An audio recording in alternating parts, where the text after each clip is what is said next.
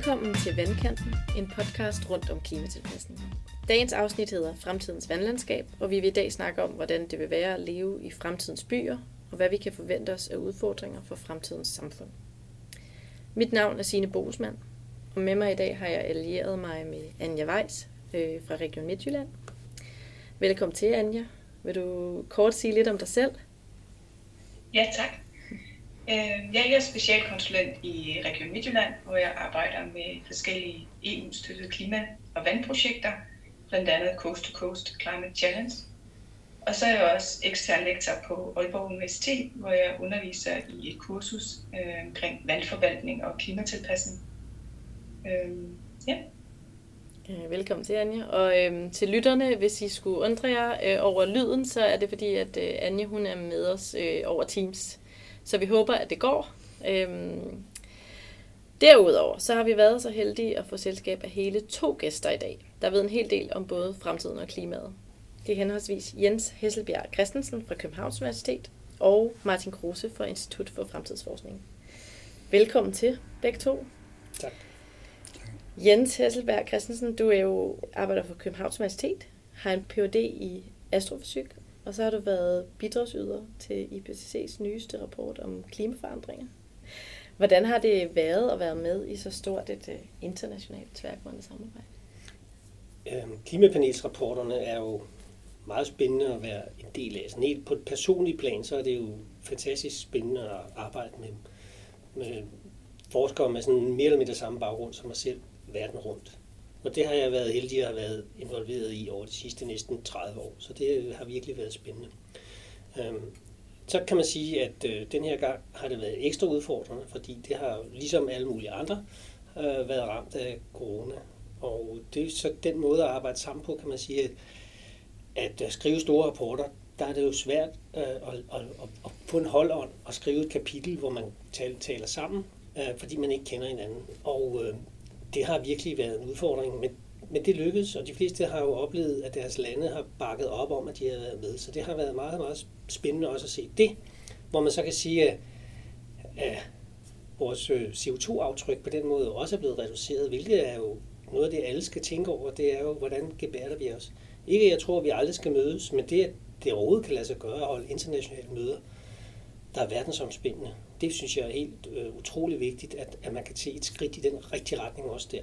Så, så der har været mange positive ting, men Kosovo har det også været svært at, at lave det her, det har været meget mere tidskrævende, når man ikke, ikke får dedikerede møder, hvor man skal mødes, men skal gøre det sådan glidende over tid hele tiden. Ja. Og vi, vi vil komme mere ind her på IPCC-rapporten lidt senere, men øhm, tak fordi du vil være med, i hvert fald ja, i dag.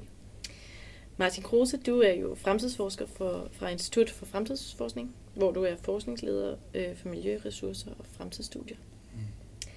Hvem benytter sig egentlig sådan mest af sådan fremtidsforskere, eller hvor, hvor er det, I sådan ofte er med indover? Det, det er typisk øh, større virksomheder. Ja. Øh, så det, det er det er danske virksomheder, eller det er sådan Fortune 500 Øh, så de fleste af vores kunder, det er, det er internationale. Ja. Øh, men det er også, øh, det er også regeringer eller NGO'er. Så det er sådan, det er sådan en bred vifte, men det er primært store virksomheder.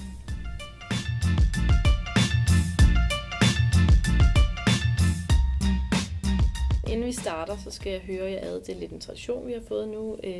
Hvem er jeres største inspirationskilde? Når man taler om klimatilpasning eller klimaet, og hvorfor?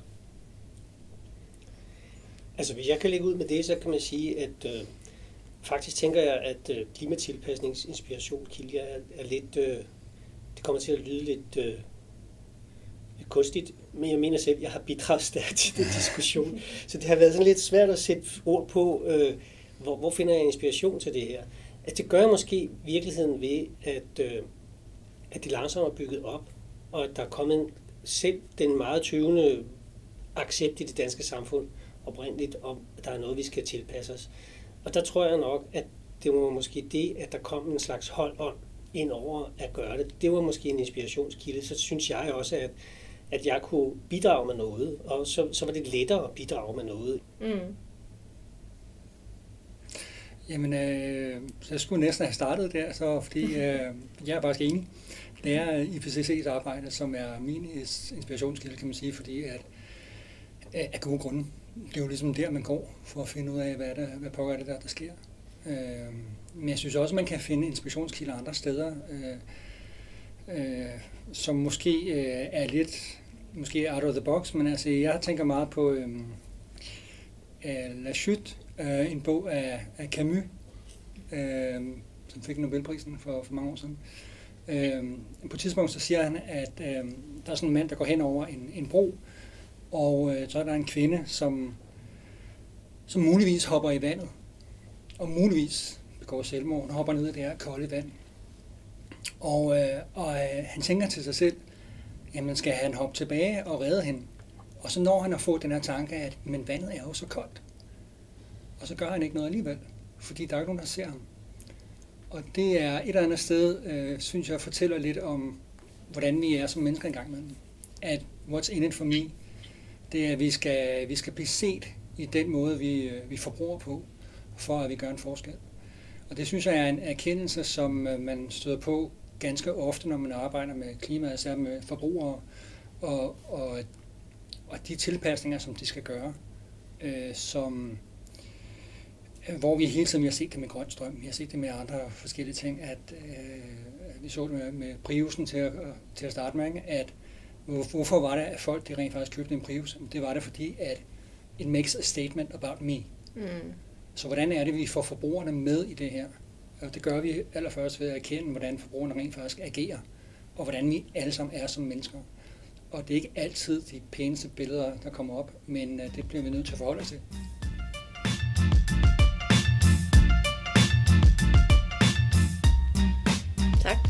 Nu er vi allerede lidt i gang, tror jeg, med nogle af de temaer, vi skal ind over, så det er, det er rigtig godt.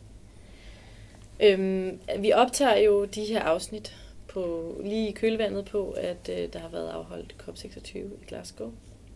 Og der snakkes om, at det her det ligesom er vores sidste chance for at blive enige om nogle politikker, der kan få klimaforandringerne under kontrol, før det er for sent. Hvad tænker I om det, og hvad er det egentlig, der har været på spil her i England øh, lige nu? Øh, hvis vi ser det lidt over tid, så ja, det hele er måske kommet en postkamp for sent i gang til at sige halvanden grad. Men der er også ekstremt meget fokus på, hvordan man skal ramme de halvanden grader. Og der, man kan sige, at, at øh, i realiteten, hvis vi vil betale for det, så, er, så, så er, er, er kissejavet der ikke. Fordi det handler så om, at så skal vi fjerne CO2. Og hvis vi skal betale for det på stor skala, så kan det godt lade sig gøre. Men det koster. Og der er ikke nogen, der har sat sig ned og, og kan lave den rigtige regning, vurdering af, hvordan det foregår. Så, så det, det håber jeg og tror på, at det får vi ligesom i talsat lidt tydeligere, at, at der er altså veje frem. Det er ikke, det er ikke sidste udkald. Altså, det er blevet lidt, gjort lidt meget op med, at nu er det sidste chance, og hvad så bagefter, så, så er vi fortabt. Og det er ikke tilfældet. Altså, der er mere at gøre, og det kan godt være, hvis vi sætter nogle ting i gang, at de mest uheldige ting, men der er nogle ting, vi kan bremse. Og der er også en anden grænse, der hedder, vi taler 2100. Ja, der er et, øh, I naturen er der ikke noget som helst heldigt ved 2100. Det kunne lige så godt være 2130 mm. for den sags skyld. Problematikken er, at vi, vi, vi skal have loft på at stoppe udledningerne. Det er helt oplagt. Og det er også det, der selvfølgelig er drejet nu. Det er at sige, at vi skal være meget præcise, sådan så vi rammer 2100. Og det skulle helst være de halvanden grader. Og det, jeg medgiver, det ser meget, meget, meget svært ud med den måde, øh, udviklingen er i øjeblikket.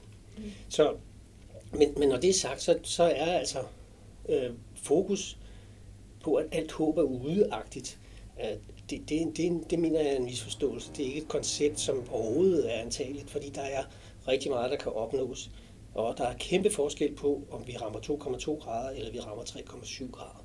Og det er ligesom, verden glemmer det øh, mm. midt i bestræbelserne på halvanden grad. Ja. Som jeg skal minde om, at inden man lavede prisaftalen, øh, grad var noget, der blev opfundet på et kaotisk møde i København. Og det var for at lave nogle alliancer med nogle østater verden rundt, så man kunne vise, at man kunne komme videre i forhandlingerne. Så, så, så de halvanden grad, lige så meget jeg synes, det er det rigtige, så er, er det stadigvæk noget, der kommer ud af, af vild fantasi, fordi oprindeligt handlede det om to grader. Og, og, og de to, hvor de to grader kommer fra, ja, de kommer dybest set fra, at vi i meget lang tid har vidst, at sidste gang vi var i en varm periode, der minder om det, vi rammer nu, hvilket er 120.000 år siden, ja, der var to ting, der var meget anderledes. Det var, at det, det dels var varmere, det vil sige, at der var meget mindre is, øh, end der er i dag. Og når der var meget mindre is, så var der meget mere vand i haven. Og der dengang, der stod på et tidspunkt vandstanden mellem 8 og 12 meter over det niveau, vi har i dag. Og det er klart, det er ligesom noget, vi ikke har lyst til at skulle opleve. Til gengæld, og det er det sted, hvor videnskaben stadigvæk øh, ikke kan levere, det er, hvor hurtigt kan det her gå, og præcis hvad skal der til for, at det sker. Det kan vi ikke endnu. Vi ved, at det handler om Antarktis, og det handler om Grønland. Under alle omstændigheder så er det tid at smelte is, men så er der noget problematik ved Antarktis, som vi ikke forstår godt nok. Og der kunne tingene pludselig gå hen og gå meget hurtigere, end vi ellers har regnet med. Og, og det kan man også se i den sidste IPCC-rapport, at det bliver nu i talsat, at det er en af problematikkerne. Men omvendt, så ved vi ikke præcis, hvad temperaturen var dengang. Cirka 2 grader varmere end før industrielt, og cirka det er, det er jo ikke godt i planlægning, når det handler om det. Men det er jo vigtigt, hvis vi har et, et øh, forsigtighedsprincip, og det er jo virkelig det, de halvanden grader er. Mm. Ja. Har, vi ikke, har vi ikke allerede udledt så meget CO2, at med den akkumulation, der er af CO2-ekvivalenter i atmosfæren, så vil vi, selvom vi stoppede al udledning i dag, stadigvæk ramme de to grader. Øh, vi, I dag vil vi være, det vil, det, vi kunne godt blive to grader, men faktisk, så, hvis, hvis vi stoppede i dag, så ligger vi ganske tæt på de lidt over halvanden grad. Altså der, der sker det, at temperaturen stiger, så, så vil den i løbet af 100 faktisk begynde at, at, at bremse igen. Men hvis du sagde, at vi stoppede udledningerne, så, så, så, så er det forudsætningen, at det er alle udledninger. Fordi der, der, det, er jo, det er ekstremt komplekst, det her. Især er det meget komplekst, at vi har øh, forskellige måder, hvorpå øh, drivhusgasserne fungerer på. Altså, metan har en meget kortere levetid, hvilket gør, at hvis vi stopper udledningerne af metan, så kan vi se øh, effekten på temperatur, global temperatur allerede i løbet af nogle få årtier. Hvis vi stopper CO2, så tager det hele århundrede, før vi begynder at se, vi vil endda se temperaturstigning fortsat, og så vil det begynde at klinge af. Mm. Øhm, så, men samtidig med, at der er en ting, man ofte overser, det er, at hvis vi stopper udledningen af CO2, så stopper vi også udledningerne af en masse partikler, aerosoler. Og, og det er faktisk en af de øh, problematiske ting omkring det der med at gå i netto nul, som man taler om. Det er jo, at hvis vi er effektive med at slippe CO2 ud, ja, så, så er vi også effektive med at, at fjerne ozonerne. Og det betyder, at øh, selvom CO2 er den største enkeltbidrag, så bliver det kompenseret hele tiden af, at vi har ozoner, der køler.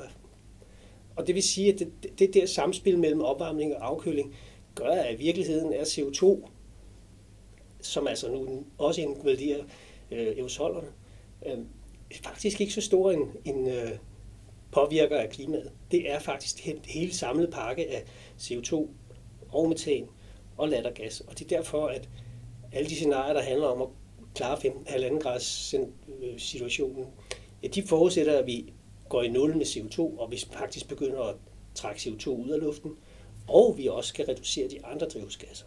Så, så, så det er det, der er udfordringen, det er at få alle de her ting til at ske på én gang.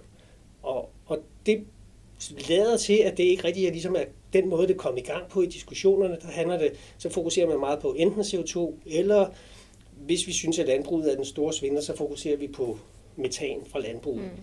Men, men virkeligheden er, at det skal være over i en kamp, det hele skal ske.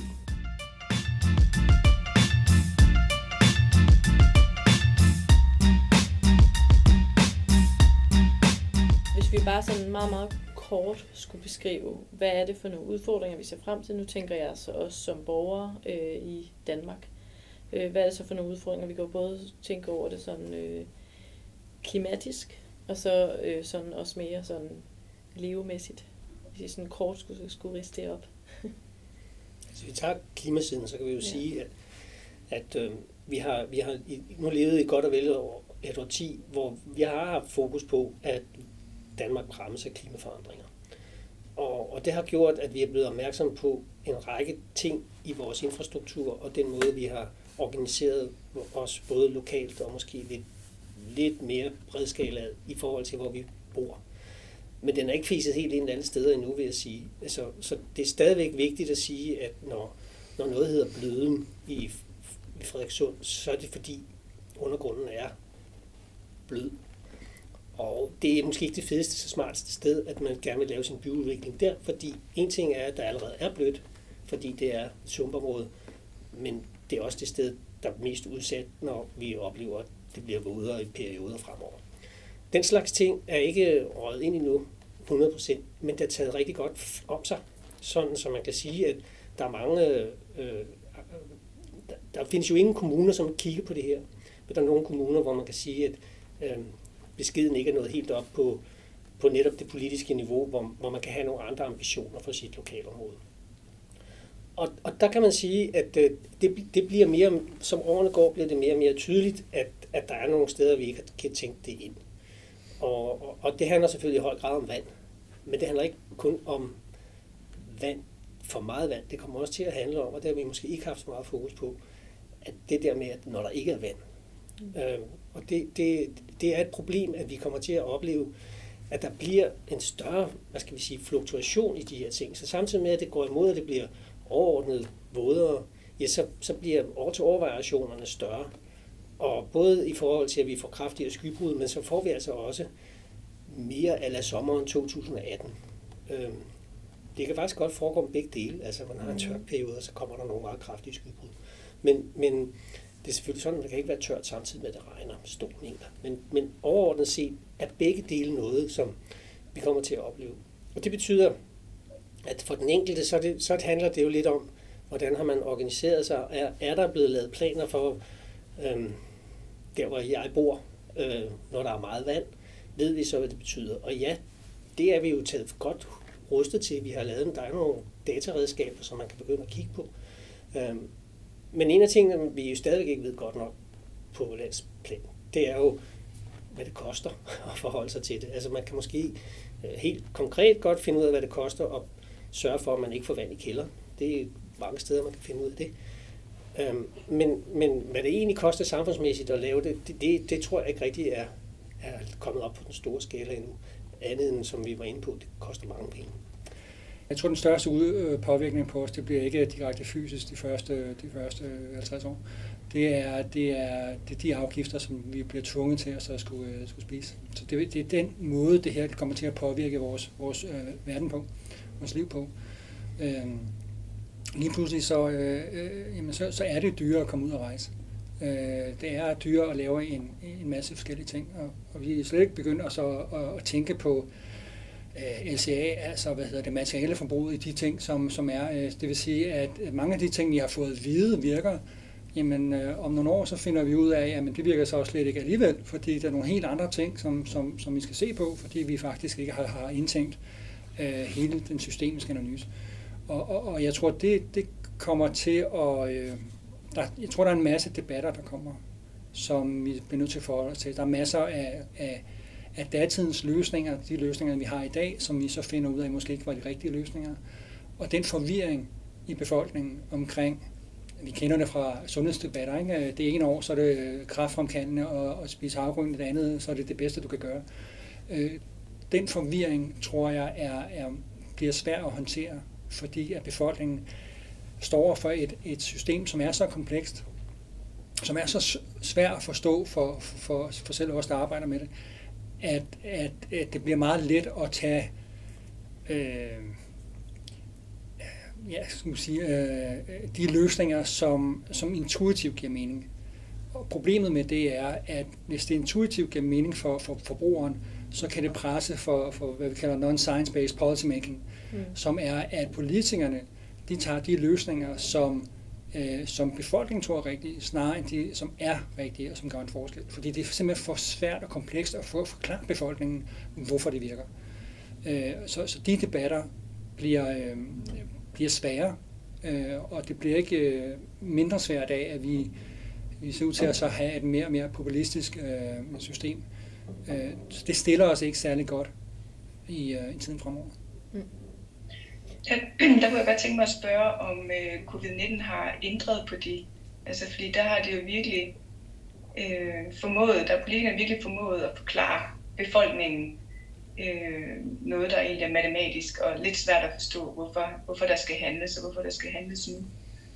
Mm, ja, men jeg, jeg tror bare, det er vigtigt at forstå, at, at, at, øh, at netop covid er, er, er anderledes, fordi det er en ja, sådan eventbaseret krise, det vil sige, at alle folk de kan forstå det, fordi det er kortvarigt.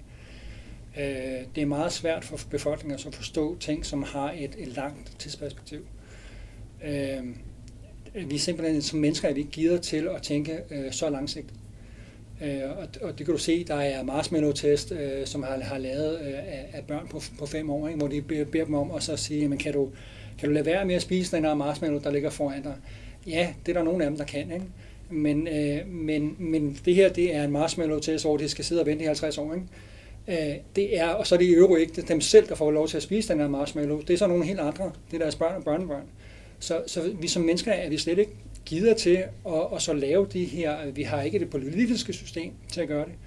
Øh, vi har ikke, vi er måske heller ikke mentalt gider til at gøre det. Så, så, så vi, vi står over for et, et helt, kan man sige, i, i den menneskelige evolution, en, en helt uh, en helt anden problemstilling, end det, hvor vores hjerner er opbygget til at håndtere. Uh, og det tror jeg er en, uh, det gør, at covid er meget lettere at forstå end sådan noget som klimaforandringer. Hvordan tror du, det vil udspille sig i samfundet så? Altså netop det her med, at vi måske ikke er gode nok til at se langt nok frem. Og, altså hvad, hvad vil det have konsekvenser for altså lad os sige en velfærdsstat, eller bare sådan generelt i samfundet? Altså, hvad? Det skaber den her grundlæggende... Øh, jeg tror, vi kommer til at så få øh, en, en, en meget større debat. Fordi det første fase, det var, at nu skulle vi gøre folk opmærksom på, at øh, klimaforandring eksisterede. Nu er, nu er der øh, de fleste danskere, de tror på, at klimaforandring eksisterer, og at det er noget, vi skal gøre noget ved. Nu kommer næste fase, hvor de så også skal gøre noget ved det. Og der tror jeg, at øh, diskussionen bliver en helt anden. Fordi når folk mærker det på egen krop, så er, så er situationen anderledes. Og der tror jeg, der er en del, der kommer til at lave sådan en backtracking. Og så, så det bliver en helt anden kamp, fordi det er nogle andre parametre, vi skal se på. Mm. Og hvad mener du med backtracking? Ja, jeg tror simpelthen, der, er, der kommer en, en, en større gruppe af mennesker, der bliver imod klimaforandringer, så vi får en større grad af polarisering i befolkningen, end vi har set tidligere. For det havde været let at være grøn nu, fordi at du skulle i princippet ikke gøre noget.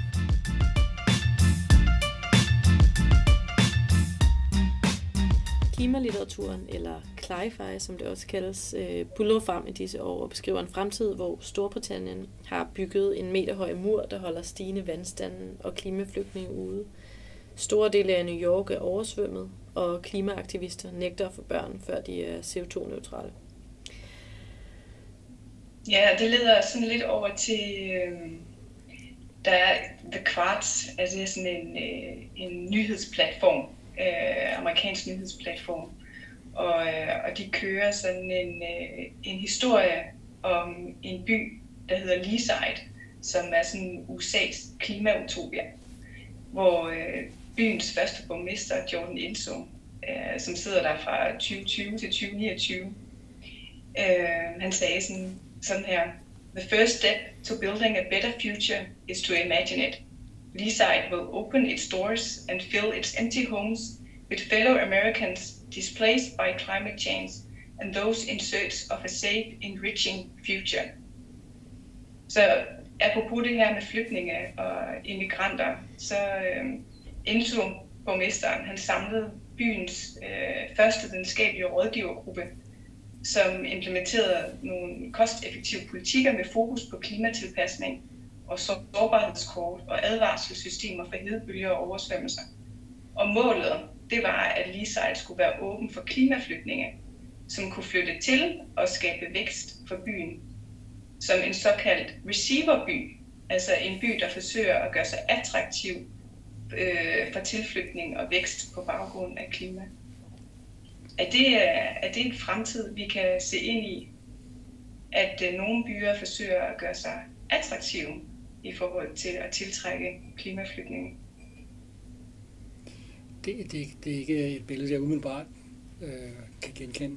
Øh, du kan sige, øh, det, det, det, i den omfang, det jeg genkender, så findes det jo allerede. Altså, Jens er inde på det, ikke? Altså, jamen, hvorfor er det, du tager til, til, til Danmark? Det er måske ikke på grund af klimaforandringerne i Afrika, men det er det også, fordi det, det, det udrydder dine, dine levebrødsmuligheder.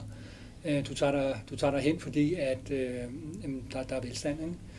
Ikke? Øh, så så øh, det er klart, at situationen vil, være, vil blive værre og værre for, øh, for mange mennesker, og de mennesker, som er, som er mest belastet af klimaforandringer, kan sagtens være dem, som har, har færrest penge, øh, og som så derfor ikke øh, bliver, bliver berørt mest. Øh, og så er der også andre, nogle af os, som sidder øh, på den gyldne gren, ikke? og der vil være behovet for at komme over til os. Det vil jo så blive det større. Øh, så ja, altså kan man sige, som, som symbol betragtet, så, øh, så, er det jo så er det nok allerede tilfældet, kan du sige. Men du kunne ikke forestille dig, at det kunne være, altså der kunne være nogle kommuner, der ligesom sagde, altså jeg tænker også i forhold til den polarisering, du mm. snakkede om tidligere, øh, bestemt lidt tydeligere og tydeligere, der så kunne være kommuner, der for eksempel øh, altså havde snakket om at være en receiverby, eller havde snakket om ligesom at, at, at være, ja, altså som Lisa, at ligesom være et sted, hvor man kunne have plads, hvis for eksempel man mener, at øh, der ikke bliver taget de rigtige beslutninger på højere plan. Måske så på et tidspunkt i... skal finde andre steder at bo. Ja. Altså, man godt, altså, hvis det skal gå helt galt, så kunne man godt forestille sig, at det på den anden side 20, 2100, ikke? Altså, mm. så, så, så, hvis, hvis vi går op og så taler temperaturer på, øh, på, øh, på 3-4 grader, sådan noget, så, så kan alt ske, fordi så går det jo, kan det virkelig gå helt, helt, helt galt. Ikke? Mm. Men, men jeg tror også, man kan sige det her, altså, jeg, jeg, jeg er enig i, jeg tror ikke rigtig, det er sådan noget, vi vil se i Danmark, fordi der er jo ligesom, på trods af de forskelle, der er på tværs, og den, hvad skal vi sige, den sådan lidt bottom-up tilgang, der har været til klimatilpasning i Danmark, så, så er Danmark øh, for homogent et land. Og, og det betyder, at forskellene er, bliver med det samme jævnet ud via regioner, via staten, via, altså vi, vi, vi har en lovgivning, der øh, tager højde for mange af de her ting. Så, så det tror jeg ikke, vi vil se her i Danmark. Men jeg kan sagtens, altså, når du nævner det her sted i USA, så kan jeg sagtens se det. Øh, det vil boble mere op i USA. Fordi der, er, der betyder staten ingenting. Altså selv de, det gælder ikke alle mennesker, men rigtig, rigtig mange amerikanere, om de er republikanere eller demokrater, ja, så er staten ikke deres yndlingsting. Ikke nation, den, den United States. Måske deres egen stat. Øh, og, og det tror jeg, vi, vi vi, det er vi ikke rigtig vant til at tænke på i Danmark, at, at USA i virkeligheden er et, det der United States, det er, det er de jo ikke. det, det er 50 stater, der arbejder sammen og har en, en federal regering, som rigtig tegner landet udad til. Men, men indadtil er det et meget stort problem i USA, at man ikke tænker på samme måde, hvis man bor i Kalifornien og hvis man bor i Texas. Mm. Jeg skulle lige sige, at det er jo en imaginær historie, ja, altså, altså det er en fremtidsfortælling. Uh, mm. Men, men jeg, kunne, jeg kan godt se, at det kunne, kunne forekomme, altså fordi man, man, man samarbejder ikke på tværs. Altså der er en meget mere øh, isolationistisk tankegang i mange af staterne, sådan så man vil kunne se sin egen vinding frem for noget andet. Så derfor kunne jeg godt se det som et element. Det lykkedes jo, det lykkedes jo ret godt for Leaside i den her historie. De var virkelig tiltrukket investorer og videnskraft øh, til Leaside. Men som årene går, så, øh, så begynder det faktisk, planerne begynder at krakelere, fordi de har ikke øh, plads til alle de mennesker, og huspriserne stiger. Så den der sociale inklusion med, der skulle være plads til alle, den kan de ikke, de kan ikke holde huspriserne nede. Der er ikke øh, boliger nok til alle, og, øh, og økonomien begynder at, at krakelere for dem. Så der er også den der analogi med, at man kan ikke løse, øh, man kan ikke løse klimaudfordringen alene, man er nødt til at samarbejde på tværs.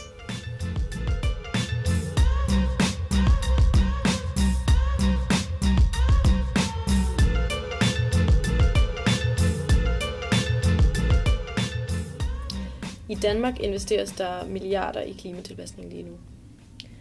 Vores spørgsmål til jer, det er sådan lidt, er vi gode nok til at sætte dem ind i et fremtidsperspektiv? Du snakkede kort tidligere om det her med 2100 og som mål og så videre.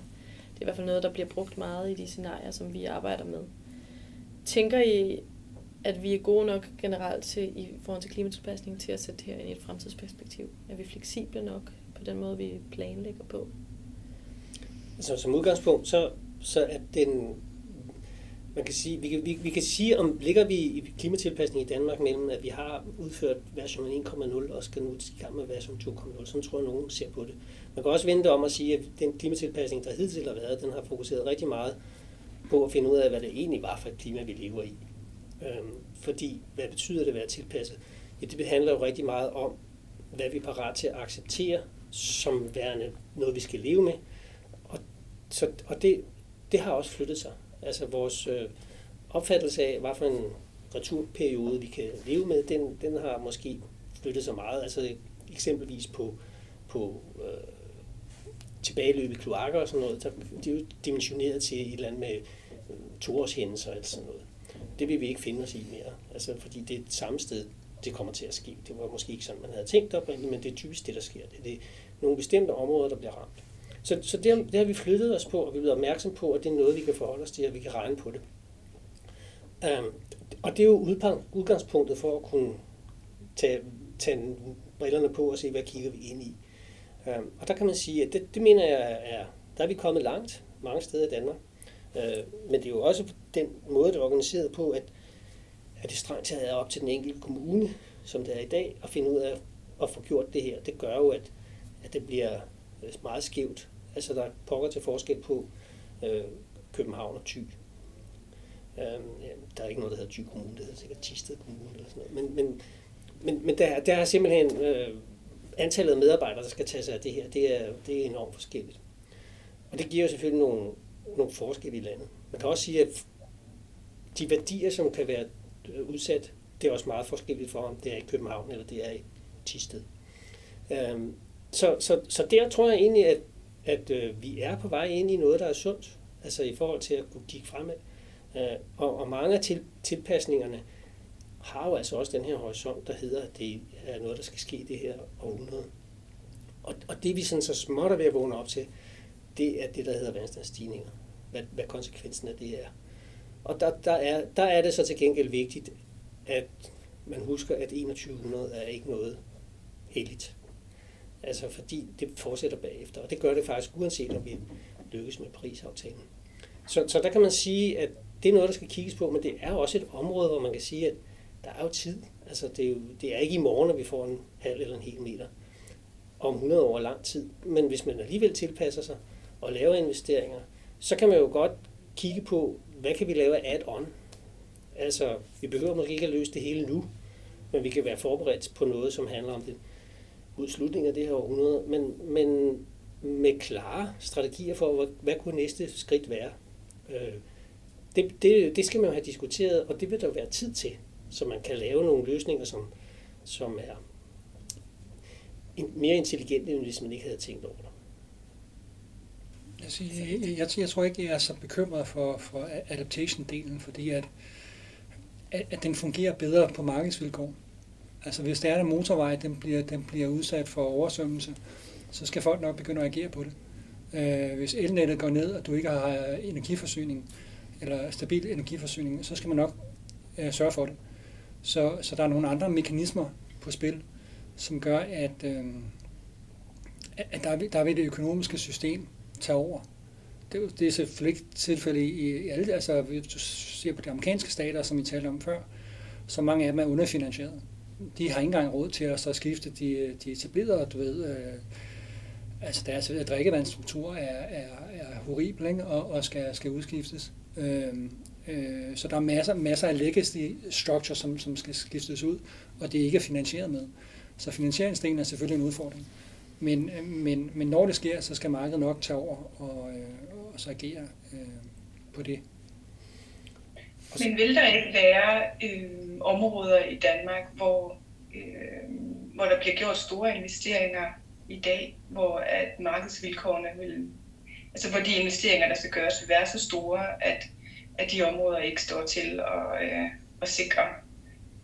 Øh, det kan både være store sommerhusområder, det kan være øh, landområder, øh, det kan være områder, der bliver udlagt til byudvikling i dag, øh, men som måske allerede om, om 10-20 år er så udfordret, at der skal reinvesteres.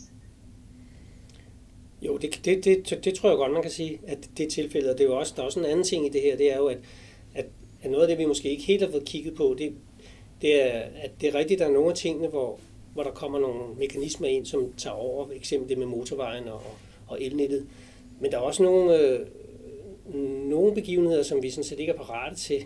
Altså, vi vil jo ikke være parate til at acceptere, at, at der pludselig kommer vand til børnehaver, hvor børnene løber ud i øh, øh, kloakvand og pådrager sig sygdomme, eller for den sags skyld drukner i vandet. Eller vi vil heller ikke være parat til at acceptere, at, at øh, vi har en dårlig øh, opbygning af vores beredskab på hospitalerne, sådan så det, der var lige ved at ske 11. juli tilbage, eller 2. juli tilbage i 11, hvor, hvor, hvor, hvor hospitalernes nødgeneratorer var ved at blive oversvømmet, hvis der bare havde været kommet en lille smule mere vand. Ikke? Den, den slags ting, øh, tror jeg, at øh, vi, man kan nok ikke helt undgå, at der kommer til at ske noget, men, men der er mange steder, og det er jeg sikker på, der begynder man at kigge på, hvad er fuldstændig uacceptabelt? Altså er der noget, altså der er en meget lille risiko for det, men, men hvis det sker, og, og hele den tankegang, det tror jeg, den skal vi se mere af. Altså det der med at lave øh, et, et beredskab i forhold til, hvad,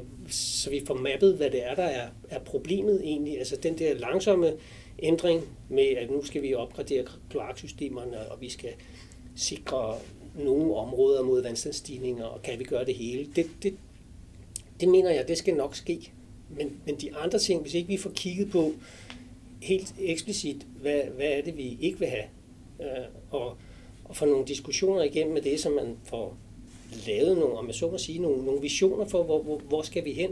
Øh, og det er et spørgsmål, om det kan håndteres udelukkende lokalt, eller om, om der skal være noget mere nationalt i det. Øh, den diskussion tror jeg, man skal tage hul på i det her, fordi hvad er det, vi, hvad er det, vi absolut ikke vil være med til? Den diskussion øh, er jeg ikke sikker på, at vi har fået taget løftet overhovedet endnu. Jeg tror, at der, der er en anden del i det, og det er, at øh, vi ser det lidt med covid nu, ikke? at, at øh, det er jo ikke fordi, at vi ikke vidste, at der på et eller andet tidspunkt ville komme en situation, som kunne lægge os ned. Det har vi vidst i lang tid. Øh, vi har selv skrevet om det i mange år øh, på instituttet. Øh, men så vi kommer til at, så, at lave en afvejelse mellem de ting, som har en meget, meget, meget stor impact på os, men hvor der er en meget lille sandsynlighed, over for dem, som, hvor der er en relativt høj sandsynlighed, men impacten er ikke lige så stor. Og, og den afvejelse, den bliver svær, for vi har ikke råd til begge dele. Øhm, og der vil man typisk gå hen i det, hvor man siger, jamen, vi, vi, vil, vi vil fokusere på de områder, som, hvor der er en større sandsynlighed, og det betyder, at vi vil opleve situationer, hvor der sker altså voldsomme begivenheder, simpelthen fordi vi har ikke, vi har ikke investeret øh, i at, at mitigere de risici, risici, fordi vi kan ikke gøre det hele. Du sagde det her med, Martin, at øh, du er ikke så nervøs for klimatilpasningen, fordi den fungerer bedre på markedsvilkårene. Men, men det der med, at vi stadigvæk har tid til at tilpasse os løbende, og du sagde det også der, Jens, med, at, at havvandsstigninger, de sker løbende, de sker ikke lige i morgen, så vi har tid til at tilpasse os. Men overlader vi så ikke det hele den økonomiske byrde til næste generation? Taler vi så i virkeligheden ikke om et generationssvigt, når vi taler om klimatilpasning? Jo.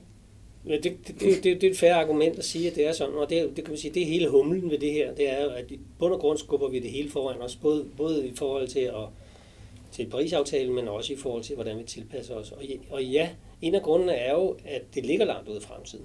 Og den anden grund er, at vi har ikke et rigtigt billede af, hvad det egentlig er. Altså, det færreste af os kan egentlig sætte sig ned og ind i hovedet, lukke øjnene og sige, hvad betyder det, at vandet står højere? Altså, man må tage et eksempel fra Tyskland i sommer, hvor de store oversvømmelser, der afsted kom mange dødsfald, øh, det kom jo bag på alle, og det øh, ligger fuldstændig op til, hvad, hvad Martin sagde lige før. Og, og det var jo hverken fordi, at det ikke var varslet, og det var heller ikke fordi, man ikke vidste, at det her kunne ske. Men en af tingene var jo for eksempel, at der ikke var et beredskab, der kunne håndtere det. Og et relateret til det, så er det, at man vidste godt, hvad betyder, hvad betyder en 500 års hændelse, som man taler om her. Det, det handler om, hvor, meget, hvor højt står vandet. Men det handlede samtidig med om noget, man ikke havde gjort så klart. Det er, at det var ikke bare det, at vandet stod højt. Det var, at vandet det kom bulrende ned igennem gaderne på en måde, så man ingenting kunne stille op, selvom man havde haft et beredskab. Og, og der ved man godt, at ved 500 års hændelsen, så står vandet 12 meter oppe, men det står ikke. det kommer jo styrtende ned som en brusende flod. Og det, det billede er meget, meget vigtigt at skulle håndtere, for det havde man måske kun hvad sige, bered, lave beredskab på, men det billede fandtes ikke. Det handlede om, hvor står vandet. Og, og, og, og i Danmark kunne man godt forestille sig noget lignende, måske ikke med Gudnåen og, og indlands vandløb, men i forhold til en, en stormflod, øh, så har de en, en effekt, som vi måske, øh, fordi den sidste, al erfaringen har været, at vind har været i en eller anden retning osv., pludselig er det et andet sted, der bliver ramt. Og, og den form for beredskab kan man jo godt øve sig på. Altså det er jo ikke, det behøver ikke engang nødvendigvis at være en investering. Det kan handle om, at vi har allerede noget, der kan mobiliseres. Og hver gang der er en stormflod i Danmark, så er der jo et kæmpe beredskab i forhold til at håndtere det. Men der kan man måske øve sig yderligere og, og se, hvordan det kan gøres. Så, så nogle af de her ting kunne jeg godt forestille mig, at vi kan ligesom komme ud af og, og håndtere, uden at det faktisk koster spidsen af en jet her. Ja, det, det vigtigste er, at det bliver talsat, og det begynder at komme ind over, og man kan se, øh, at man får en, en dialog om, hvad det er, der skal til blandt de aktører, som, som er der, om det er kommunalt, om det er regionalt, om det er beredskaber osv. Men, men vi har en masse øhm, institutioner og, og setup'er, der, der allerede agerer på de her ting. Og der, der kunne det være nyttigt måske at få, få det i talsat også i en klimaforandringskontekst. En ting, som jeg meget gerne altså, vil stå på min ønskeliste, det var, at vi havde nogle politikere, som, som tænkte mindre populistisk. Fordi det, som det ligger op til det her, det er, at så kommer der en oversvømmelse, og så får, øh, så får øh, kommer politikerne kommer på banen, så kommer der rigtig, rigtig mange penge til det område. Øh, men hvis det her det er, kan man sige, noget, der skal meget sjældent, øh, så skal vi ikke give en masse penge til det her område, og så bagefter trække pengene væk, fordi jamen, nu skete det jo ikke. Det er jo ikke sket de sidste 5-10 år. Så det er jo den her cykliske investering, den er sindssygt øh, destruktiv. Fordi du opbygger et område, opbygger kompetence, så finder du ud af, at det ikke sker, og så hiver det ressourcerne ud, kompetencerne ud, og så går der 20 år, så sker det igen. Øh, I stedet for, så skal vi sørge for, at vi har en relativt øh, veludbygget kompetence over på, på, på øh, en række områder. Fordi øh, der er, øh, du kan bare se på covid nu, ikke? altså nu kommer der måske en masse penge til, øh, til den næste vaccine, eller til den næste øh, epidemi. Men der kan gå Altså, det er rimelig lang tid siden, vi havde den spanske syge. Ikke? Øh, det, den, den næste ting, der kommer, det er måske noget helt andet, som så i den her kontekst overhovedet ikke har fået nogle ressourcer, eller ressourcerne er blevet hævet væk, og så er vi røget over til, øh, til en, en epidemi. Øh, altså, den her måde at tænke langsigtet på, og så tænke i virkeligheden statistisk, Altså hvad er den statistiske sandsynlighed for, at den samme usandsynlige hændelse kommer igen og igen og igen, snarere end at det bliver øh, at vi tænker lidt i forhold til alle de andre øh, ting, som også kan, kan ramme os. Altså den her form for hensigtsmæssig planlægning, det vil jeg virkelig appellere til.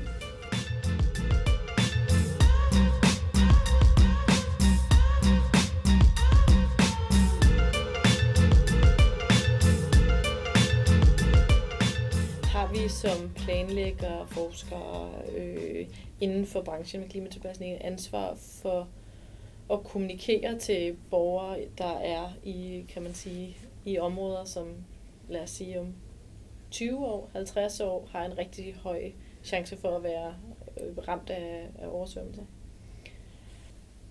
Ja, jeg, synes, jeg synes, det er vigtigt, som du var inde på det før, ikke? det her med, at øh, jamen, hvad med de her sommerhusområder? Det er klart, at hvis man som sommerhusejer køber et, øh, køber et område, ikke? et sommerhus, så, øh, så er det jo selvfølgelig hensigtsmæssigt, hvis man er opmærksom på den risiko, og man tager den på sig, mm. og forsikringsselskabet så at sige gør det samme.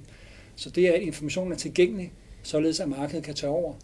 Øh, og øh, det, er jo, det, er jo, det er jo hensigtsmæssigt. Altså forsikringsselskaber, det kan være reforsikret og så, så fremdeles. Ikke? Øh, således at det ikke er staten, der skal gå ind og så, så at sige, garantere alt, men at, det er, at informationen er tilgængelig, og så ud fra det, så må markedet så fungere. Mm.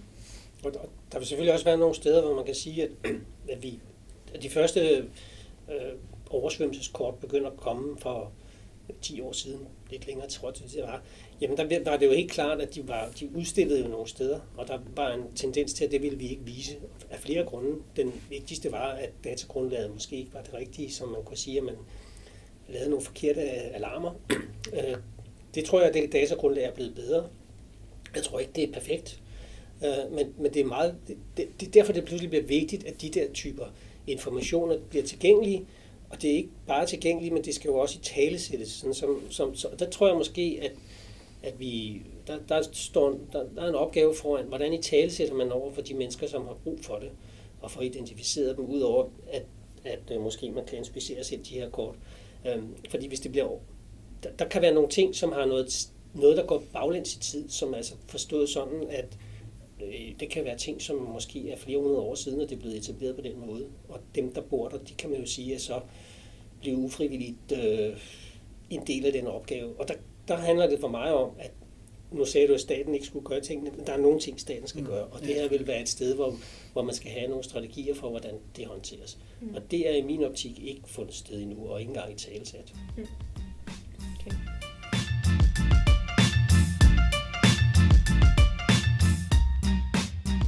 Vi plejer at slutte af her med, at I lige øh, giver en anbefaling på, det kan være en bog, video, podcast eller et eller andet om emnet, som vi har snakket om i dag, eller inden for emnet, vi har snakket om i dag. Så vil jeg høre, om I har lyst til. Altså, jeg synes, man skulle gå ind og kigge på IPCC's hjemmeside, hvor flere af tingene er både let tilgængelige, og der er gjort meget, meget ud af at øh, også visualisere det. Så man kan, man kan shoppe rundt der, og ikke mindst det, jeg selv har været med til øh, at lave, det, det, det er et interaktivt atlas, som øh, kommer til at betyde fremadrettet, at at man også i tilpasningssiden skal begynde at se på mere internationalt, hvor, er det de samme ting, vi taler om. Så gå ind og kig på det i, øh, på IPCC's hjemmeside. Tak. Jamen altså, det er sjovt nok, som øh, Jens han, han siger altid det samme, som jeg gør åbenbart, men det er fordi, jeg vil sige det samme. Det er, øh, øh, altså, det, det har været ret, rigtig svært at arbejde med IPCC's materiale tidligere. Det er ikke særlig øh, godt sat op øh, for, for folk eksternt, der, der skal bruge det. Øh, men det her, det har altså ændret sig nu, øh, særligt med det her kort her. Øh, og det er, det gør det relativt let øh, for folk at så, at så se, øh, hvilken påvirkning der er. Øh, og, og det tror jeg er, øh, det er måske det bedste øh, sted at så kigge. Tak. Så øh, tror jeg ikke, der er så meget tilbage at sige for os andet end tusind tak, fordi I vil være med. Det har været spændende. Øh, jeg, jeg har i hvert fald øh, lært noget nyt, synes jeg. Øh, tak fordi du ville være med, Anja, til at stille gode spørgsmål. Øhm, tak fordi jeg måtte komme og være med. og så er der bare tilbage at sige, at vi ses i vandkanten.